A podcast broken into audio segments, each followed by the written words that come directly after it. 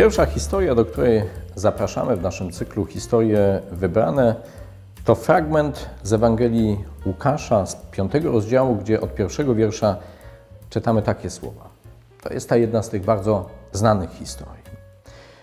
Pewnego razu, gdy on stał nad jeziorem Genezaret, a tłum tłoczył się dookoła niego, by słuchać Słowa Bożego, ujrzał dwie łodzie stojące u brzegu jeziora, ale rybacy wyszedłszy z nich, płukali sieci. A wszedłszy do jednej z tych łodzi należącej do Szymona, prosił go, aby nieco odjechał od brzegu i usiadłszy, nauczał rzesze z łodzi. A gdy przestał mówić, rzekł do Szymona, wyjedź na głębię i zarzuć sieci swoje na połów. A odpowiadając, Szymon rzekł, mistrzu, całą noc ciężko pracując nic nie złowiliśmy, ale na słowo Twoje zarzucę sieci. A gdy to uczynili, zagarnęli wielkie mnóstwo ryb, tak iż się sieci rwały. Skinęli więc na towarzyszy w drugiej łodzi, aby im przyszli z pomocą i przybyli i napełnili obie łodzie, tak iż się zanurzały. Widząc to, Szymon przypadł do kolan Jezusa, mówiąc: Odejdź ode mnie, panie, bom jest człowiek grzeszny. Albowiem zdumienie ogarnęło jego i wszystkich, którzy z nim byli, z powodu połowu ryb, które zagarnęli. Także i Jakuba i Jana, synów Zebedeusza, którzy byli towarzyszami Szymona. Wtedy Jezus rzekł do Szymona: Nie bój się, od tej pory ludzi łowić będziesz. I wyciągnąwszy łodzie na ląd, opuścili wszystko i poszli za nim. Drodzy, najczęściej te historie przedstawiamy jako historię powołania pierwszych uczniów i rzeczywiście ona o tym mówi. Albo ta historia jest dla nas przykładem zaufania do Jezusa, takiego zachęcenia, by zaufać Mu nawet wbrew logice, nawet wbrew temu, co mówi praktyka, co mówi świat, bo przecież kiedy Jezus mówi Piotrowi, wyjedź czy wypłyń na głębie i zarzuć swoje sieci, to tak naprawdę mówi wbrew praktyce. Nie wypływa się w ciągu dnia na jezioro i nie zarzuca się wtedy sieci. Praktyka połowów na jeziorze Genezaret była zupełnie inna i Piotr doskonale o tym wiedział. On właśnie rano skończył swoją pracę bez sukcesu, ale robił wszystko zgodnie ze sztuką połowu ryb. Ale chciałbym dzisiaj, drodzy, żebyśmy na tę historię spojrzeli nieco inaczej. Byśmy w tej historii przenieśli nieco punkt ciężkości na sam początek tej historii, który jest niesamowicie ważny, a który odnoszę takie wrażenie, że w tej historii jest kompletnie pomijany. Może dlatego, że przyjmujemy go za coś oczywistego, ale mam wrażenie, że gdzieś w tym przesunięciu akcentów zapominamy o rzeczy najważniejszej. Zwróćmy na to uwagę. Pewnego razu, gdy on stał nad jeziorem Genezaret, a tłum tłoczył się dookoła niego, by słuchać Słowa Bożego. To znaczy, że ta historia zaczyna się od momentu, w którym ludzie przychodzą do Jezusa. Oni tłoczą się wokół Niego, bo chcą słuchać Bożego Słowa. I to jest niesamowicie ważne. Nie możemy zapominać o tym, że cokolwiek dzieje się w historiach biblijnych, cokolwiek dzieje się dzisiaj tutaj, ludzie przychodzą do Jezusa i powinni być przyprowadzeni do Jezusa, by słuchać Słowa Bożego. A kiedy zaczynamy przesuwać akcenty, efekt może być bardzo różny. To jest tak jak w historii o Eciku i Francku.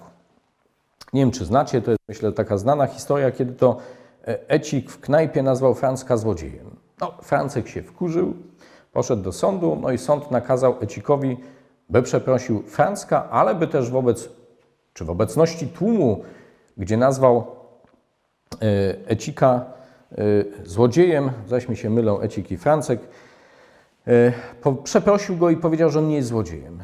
I drodzy, Ecik stanął w knajpie i powiedział tak: Francek nie jest złodziejem? Drobne przesunięcie akcentu. Efekt zaczyna być zupełnie inny. Każdy, kto uczy się języka obcego, wie, że są takie słowa pułapki. Że kiedy je inaczej zaakcentujemy, może być głupio, może być śmiesznie, możemy się nawet chować. I mam wrażenie, drodzy, że bardzo często my się nie orientujemy i nie zwracamy uwagi na to, że przesuwamy akcent z tego, że ludzie przychodzą do Jezusa i powinni być przyprowadzani do Jezusa. I zaczynamy im mówić zupełnie coś innego. Powiem wprost, kiedy wczytuję się w niektóre rozważania e, hierarchów kościelnych, zwłaszcza w czasie świąt, to mam wrażenie, że tam już Je- Jezus nie jest potrzebny. Potrzebna jest polityka, potrzebna jest ekonomia, potrzebna jest sytuacja gospodarcza, potrzebna jest etyka taka czy inna. Jezus przestaje być potrzebny. On staje się tylko punktem wyjścia, by mówić o rzeczach wydających się dziś ważniejszych. Kiedy jeździmy po Polsce, albo kiedy w ogóle żyjemy w Polsce, to drodzy, też mam takie wrażenie, a wręcz pewność tego, że w niektórych miejscach, w niektórych parafiach Jezus jest tylko i wyłącznie dodatkiem do Marii. Ja wiem, że być może niektórzy się tutaj obrażą, ale tak po prostu jest. Dlatego, że gdzieś w pewnym momencie zaczęto przesuwać akcenty i kiedy o tym się mówi, ludzie się burzą i mówią, to nieprawda. Ale spójrzmy w całości, spójrzmy na nauczanie i zobaczmy, gdzie w tym nauczaniu jest Jezus. Bo ta historia zaczyna się dokładnie od tego, że ludzie przychodzą do Jezusa, by słuchać Słowa Bożego. W tej historii idziemy dalej, bo ta historia też mówi o tym, że czasami my, zwykli ludzie, bo tak jest w tej historii, Piotr jest zwykłym człowiekiem, nie jest apostołem, nie jest kamieniem, nie jest głową kościoła. W tej historii jest zwykłym człowiekiem, którego Jezus prosi o pomoc. Odpłyńmy nieco od brzegu. Ale po co? Po to, by sobie porozmawiać? Po to, by dowartościować Piotra? Nie. Po to, by głos Jezusa mógł być lepiej słyszany. Piotr jest w tym momencie pomocą Jezusowi, by jego głos, by jego zwiastowanie o Bożym Słowie, o, o Bogu było lepiej słyszalne. I tak czasami bywa, drodzy, że nasze posługi dla innych są niezrozumiałe, może mało widoczne, ale w tej historii jest jeszcze jedno. Prośba o tą posługę przychodzi wtedy, kiedy Piotrowi najprawdopodobniej absolutnie się nie chce. My myślimy o przygotowaniach do różnych ewangelizacji, do różnych imprez, do spotkań. W perspektywie czasu potrzebujemy czas, potrzebujemy y, odpowiednie środki, by się przygotować. Piotr tego wszystkiego nie miał i też tak czasami bywa, że wtedy, kiedy jesteśmy zmęczeni, wtedy, kiedy najchętniej byśmy zapomnieli o wszystkim, co się działo, bo przecież Piotr jest nie tylko fizycznie zmęczony, ale przypuszczam, że też trochę psychicznie przybity tym, że nic się nie udało złowić. Jesteśmy proszeni, no właśnie o co? I myślę, że to jest też pewna perspektywa, w której powinniśmy oceniać to, do czego jesteśmy powołani, o co jesteśmy proszeni. Bo Piotr jest proszony o to, by głos Jezusa mógł być lepiej słyszany. Ale ta historia mówi też o jeszcze jednej rzeczy.